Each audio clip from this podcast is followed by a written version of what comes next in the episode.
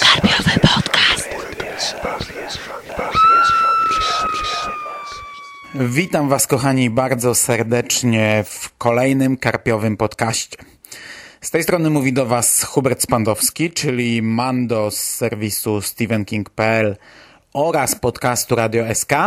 A dzisiaj tradycyjnie, no coraz bliżej końca, ale póki co nadal dość monotematycznie, tradycyjnie będę mówił o serii książek Lee Childa pod tytułem Jack Reacher ponad prawem, a dokładniej o 14 tomie serii pod tytułem 61 godzin. Na wstępie zaznaczam od razu, że to jest świetna książka dla osób takich jak Skóra, dla osób takich jak Żarłok, czyli nasz kolega tutaj od mikrofonu. E, dlaczego? Ponieważ ta książka dzieje się zimą i jest to zima skrajna. Kilka kolejnych książek najprawdopodobniej też ich akcja rozgrywać będzie się zimą, ale no czytam już kolejny tom, jestem w trakcie czytania 15 tomu, tam ta zima jest podkreślana oczywiście, ale no nie aż tak, po prostu kilka razy jest powiedziane, że jest zimno, natomiast 61 godzin rozgrywa się w miejscu, gdzie mamy zimę skrajną, zamieć śnieżną i to zamieć taką, która odcina małe miasteczko od świata, na kilka dni w zasadzie jesteśmy odcięci od świata. E, oczywiście no ta zamieć nie trwa cały czas, ale śnieg cały czas leży i ta książka jest po prostu biała. No pierwsze skojarzenie, jakie mam z tą książką, to biel. E, gdy bohaterowie idą e, ulicą, to na twarzy w zasadzie powstają im nawet ranki od e, lodu, od, od szronu gnanego wiatrem i wbijającego się jakoś tam, tworzącego mikrorany na twarzy. Jest cały czas podkreślana temperatura, jak bardzo jest tu zimno, jak skrajne są to temperatury i w takiej scenerii rozgrywa się akcja całej książki, ponieważ książka, jak sam tytuł mówi, trwa 61 godzin, czyli to, co dostajemy w tym tomie, no to jest dość krótki przedział czasu. Narracja książki jest trzecioosobowa. Jest to napisane trochę inaczej niż e, to, o czym mówiłem ostatnio, bo ostatnio powiedziałem, że e, chyba wszystkie książki z tej serii, jeśli mają narrację trzecioosobową, to ogranicza się to do 98% e, pokazania tego, co robi Jack Reacher i kilku akapitów, które mają rzucać nam małe tropy widziane oczami tych złych. Potem przypomniało mi się, że mamy książkę Uprowadzony, drugi tom, który jest pisany e, według takich klasycznych reguł, że mamy trzy wątki i każdy dostaje w zasadzie tyle samo e, czasu, tyle samo powierzchni, przestrzeni, tyle samo stron. E, dokładnie to samo jest w trzecim tomie, Wróg bez twarzy. No, 61 godzin może nie jest aż tak równomiernie ta, ta akcja nie jest tak rozłożona, ale dostajemy rozdziały z punktu widzenia kilku różnych osób. Czy to adwokata, czy to przestępców, czy Richera. I oczywiście najwięcej jest Richera, ale, ale no jest to jakoś tam bardziej rozłożone. Cała książka rozpoczyna się znów od yy, przypadku. Miasteczko, w którym dzieje się akcja książki, y, sąsiaduje z ogromnym nowym budynkiem więzienia i ten budynek więzienia podporządkował sobie w zasadzie całe to miasteczko. Dotacje, finansowanie, jakie dostało miasto, wymusiło sposób ich pracy, wymusiło podpisanie pewnych kontraktów, y, zgodzenie się na E, realizowanie takich projektów, co mają robić policjanci w razie zamieszek w więzieniu, co mają robić wszyscy policjanci w razie ucieczki i tak dalej, i tak dalej. Zaczynamy w tym więzieniu, gdzie adwokat e, dostaje wytyczne od swojego klienta, te wytyczne, no to jest po prostu lista poleceń, które adwokat ma przekazać dalej.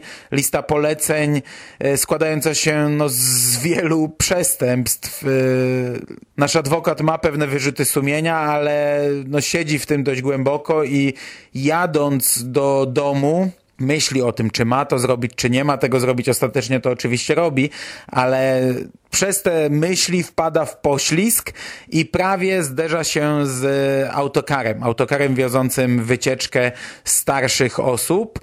I jak się okazuje w tym autokarze na gapę, w pewnym sensie na gapę, ponieważ on zapłacił za drogę, ale no umówił się z kierowcą, nie jest on członkiem tej wycieczki, jedzie Jack Reacher. No autobus wpada w poślizg, autobus ma może i nie jakoś szalenie mocno poważny wypadek, ale biorąc pod uwagę, że wszystko jest odcięte śnieżycą, no to robi się groźnie i nasi bohaterowie są przetransportowani do tego miasteczka. Richard oczywiście od razu zauważa, że coś tutaj nie gra, coś jest nie tak. Wbija się w tę sprawę dość mocno. I ja przyznam, że ta cała intryga ponownie, to samo mówiłem ostatnio, gdzieś tam w środku wydawała mi się, że tak naprawdę nie prowadzi do niczego fajnego. Zaczęło się to ok, rozwijało się to ok, ale w pewnym momencie poczułem, że to wszystko siadło i nawet było trochę nudno. Ale od razu już teraz na starcie, no na starcie po 7 minutach prawie, zaznaczę, że ta książka jest świetna, a jej finał po prostu rekompensuje wszystko. Część e, elementów tego finału nie jest absolutnie zaskakująca. Można się tego było wszystkiego łatwo domyślić, ale kilka rozwiązań w tej książce jest naprawdę mega. Kilka rozwiązań w tej książce naprawdę zaskakuje, a cały finał jest znów e, dynamiczny, ciekawy, pełen akcji, wybuchowy, brutalny i rozgrywający się w ciekawej scenerii. Ogólnie w momencie, gdy zamykamy tę książkę, to ocena jest naprawdę dość wysoka. No były tam gdzieś zgrzyty w trakcie, nawet może nie tyle zgrzyty, co po prostu trochę nudy. Ale ostateczna ocena jest wysoka. Natomiast oczywiście ta książka ma też y, pewne drobiazgi, które niekoniecznie mi się podobały. Po pierwsze odliczanie, tytułowe odliczanie. Okej, okay, to mogło być w pewien sposób zaskakujące w roku 2010, kiedy ta książka została wydana. W tej chwili to absolutnie zaskakujące nie jest, a w zasadzie to, to, to jest bez sensu, no nie prowadzi do niczego, to nie jest żaden spoiler. Spoilerem byłoby to w roku 2010, kiedy moglibyśmy się zastanawiać, czy nie jest to ostatni tom cyklu. Ponieważ to całe odliczanie, mamy wsteczne odliczanie, no prowadzi po prostu do bardzo wybuchowego finału, bardzo fajnego finału, ale z drugiej strony takie odliczanie mogłoby się znaleźć w każdym wcześniejszym tomie, bo każdy wcześniejszy tom kończył się jakoś tam wybuchowo i jakoś tam mocno. Tutaj chodzi o to, że mamy pewną sugestię w pewnym sensie śmierci Richera. No, może nie tyle śmierci, co po prostu nie wiemy, co się z Richerem stało. E, mamy ten finał, mamy wielki, wybuchowy finał, Potem przechodzimy do ostatniego rozdziału, w którym różni policjanci, różne, różne siły specjalne, różne instytucje zajmują się tak pokrótce y, skutkami tego finału. Gdzieś tam jest podsumowanie, jak zostało zniszczone to, kto zginął tu i tak dalej, co tutaj znaleziono. I na tym ta książka się kończy. I wersja audio kończyła się napisem ciąg dalszy nastąpi. Wersja książkowa, wersja papierowa, którą ja posiadam, nie ma tego napisu. Ja nie mam pojęcia, czy on zniknął już wcześniej, y, no bo tak jak mówię, w momencie, gdy mamy kolejny tom, piętnasty tom, to ten napis jest tak naprawdę bez sensu. No, wiadomo, że Richer e, nie zginął, szczególnie, że kolejny tom zaczyna się, bo ja jestem mniej więcej w połowie kolejnego tomu, zaczyna się normalnie. No, mamy Richera, który wpada w jakąś aferę i dopiero gdzieś tam w trakcie wyjaśnia się, gdzieś mamy powrót do tego finału e, z 61 godzin. No także na chwilę obecną to odliczanie jest po prostu bez sensu, a mówię o tym dlatego, bo ono strasznie wkurza w wersji audio. Ja słuchałem tę książkę w wersji audio, do czego za chwilę będę jeszcze kilka razy nawiązywał i tak jak byśmy to czytali normalnie w papierze, no to po prostu przelatujemy wzrokiem po takich kolejnych zdaniach.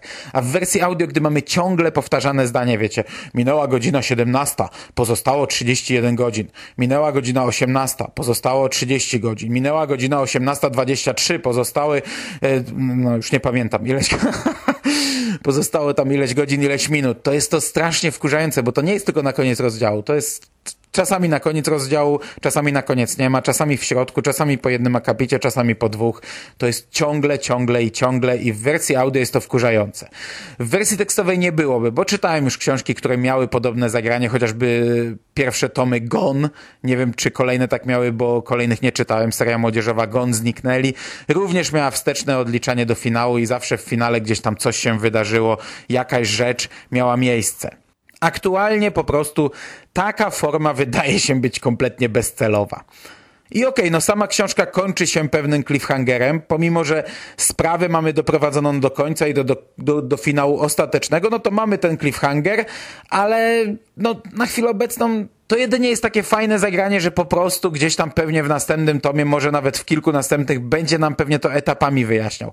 Bo teraz od tej książki, od książki 61 godzin, Child zaczął bawić się w takie rozciąganie pewnych wątków na więcej tomów. Właśnie między innymi jest to, e, jak się okazuje, no, kwestia przeżycia Richera. Nie mam pojęcia na ile tomów ona zostanie rozciągnięta, jak, jak długo w przyszłości będzie nam autor rzucał jakieś, jakieś tropy, jakieś elementy, w jaki sposób Richard wyszedł cało z tego finału. Możliwe, że to będzie po prostu jedna rozmowa, którą już mam przeczytaną, a możliwe, że będzie to na duże jakoś rozbite. A druga rzecz to jest kontakt Richera z tą kobietą, która aktualnie jest dowódcą 110. Czyli w tym tomie rozpoczyna się wątek, który skończy się w tomie 18.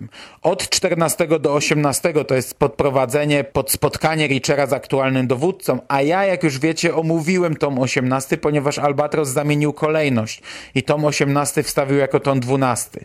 Także ja już wiem, jak to się zakończy i jeśli czytaliście ten cykl w kolejności kolekcji kioskowej, to też już wiecie, jak to się zakończy.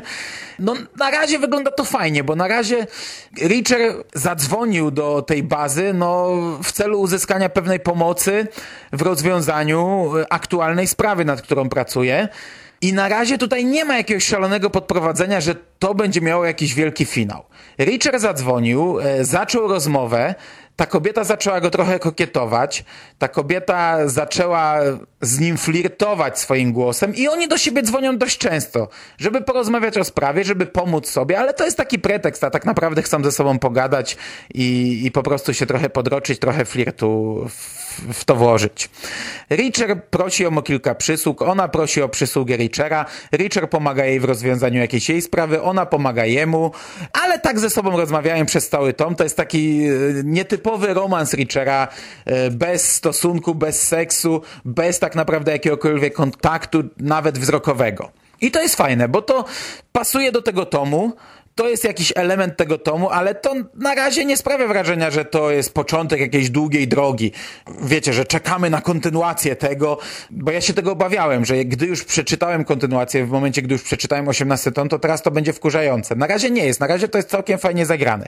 Okej, okay, Richard obiecał, że jedzie w jej kierunku, i z tego, co widzimy w następnych tomach, jedzie w jej kierunku. Okej, okay, ten tom się kończy tym, że ona nie ma od niego kontaktu, to takie kolejne podkreślania, że nie wiemy, czy Richard zginął, czy nie. I ten tom się kończy w zasadzie takim podrozdzialikiem z nią, urwanym podrozdzialikiem ale to nie mamy jakiegoś poczucia, że coś tutaj zostało otwarte i, i, i, że jest w takim bardzo szerokim otwarciu. Nie, po prostu pewien element tego tomu bardzo fajny. No i mamy tę świadomość, że będzie kontynuowany. I tutaj jeszcze raz bym chciał nawiązać do audiobooka i w zasadzie już podsumować audiobook, ponieważ ten audiobook czyta Krzysztof Globisz. To jest jedyny audiobook czytany przez Krzysztofa Globisza i w tym momencie w zasadzie mamy już przekrój wszystkich lektorów, którzy do tej pory czytali Jacka Richera. Ja nie słuchałem czterech pierwszych tomów, które wydała Fundacja Klucz, które czytał Roch Siemianowski, także nie mam pojęcia w jaki sposób to czytał pan Roch, ale słuchałem wszystkich pozostałych, czyli Mariana Opanie, Wiktora Zborowskiego, e, Jana Peszka, i teraz Krzysztofa Globisza. Krzysztof Globisz czyta nieźle. Ja Krzysztofa Globisza znam z kilku innych audiobooków i wszystkie były czytane nieźle. E, I ogólnie to jest niezły audiobook. E, mam zastrzeżenia do kilku rzeczy, do intonacji niektórych głosów. To, w jaki sposób e, Krzysztof Globisz czyta głos e, Platona, czyli głównego przeciwnika, jest trochę wkurzające, ale to jest jeszcze drobiazg. Najbardziej tutaj wkurza właśnie interpretacja rozmów Richera z e, panią dowódcą. Ponieważ w treści mamy oczywiście podkreślane, że ona mówi takim głosem, którym tak naprawdę już uwiodła od razu Richera, że ona go kokietuje tym głosem, szepcze do niego. No ale szczerze, sobie wyobrażam pana Krzysztofa Globisza w, w, udającego, silącego się na kobiecy, kokieteryjny, flirtujący głos, to, to, to, tak nie bardzo mi to gra. Zacznijmy od tego. A druga rzecz, że to wpływa na odbiór tego audiobooka, bo to cholernie wkurza. Te rozmowy są tak przeciągnięte. On odpowiada szeptem, odpowiada takimi, wiecie, tak? A co teraz zrobisz? I tutaj coś mówi Richard, a ona, dobrze, miło mi to słyszeć. No i w taki sposób to czyta. Ja słuchałem tych rozmów, słuchałem na przyspieszonym tempie, przy przyspieszonych obrotach. I to przyspieszałem do 150%, do 200% i wierzcie mi, że przy 150% one nadal były cholernie wolne. To nadal było za wolne i to się źle słuchało. Pomimo, że wiecie, już e, przy 200%, no to te głosy są ale tamten był dalej. W ten sposób. Źle to. Ten jeden element był źle zrobiony, ale cały audiobook, tak jak powiedziałem, czyta się nieźle. To jest nadal niebo a ziemia w porównaniu z interpretacją pana Mariana Opani. Okej, okay, no i to by było w zasadzie wszystko. Niezła książka, naprawdę niezła książka, z bardzo dobrym finałem. Trochę ten cały element odliczania aktualnie jest bez sensu, no ale jest, no jest, no prowadzi nas, odlicza nam do fajnego finału, może ma to jakoś też podkręcić to, że ta akcja niby galopuje, no bo 61 godzin to nie jest dużo i cała książka jest zawarta w tym jednym przedziale, to trochę tak jak zegar w serialu 24 godziny, który cały czas nam odlicza czas, tylko że ten zegar jest sobie gdzieś po prostu na dole i sobie co jakiś czas pika, co jakiś czas się pojawia, żeby nas poinformować, a tutaj to zdanie właśnie minęła godzina taka, pozostało tyle i tyle. W wersji audio przynajmniej przynajmniej wkurza. A cała książka jest naprawdę niezła.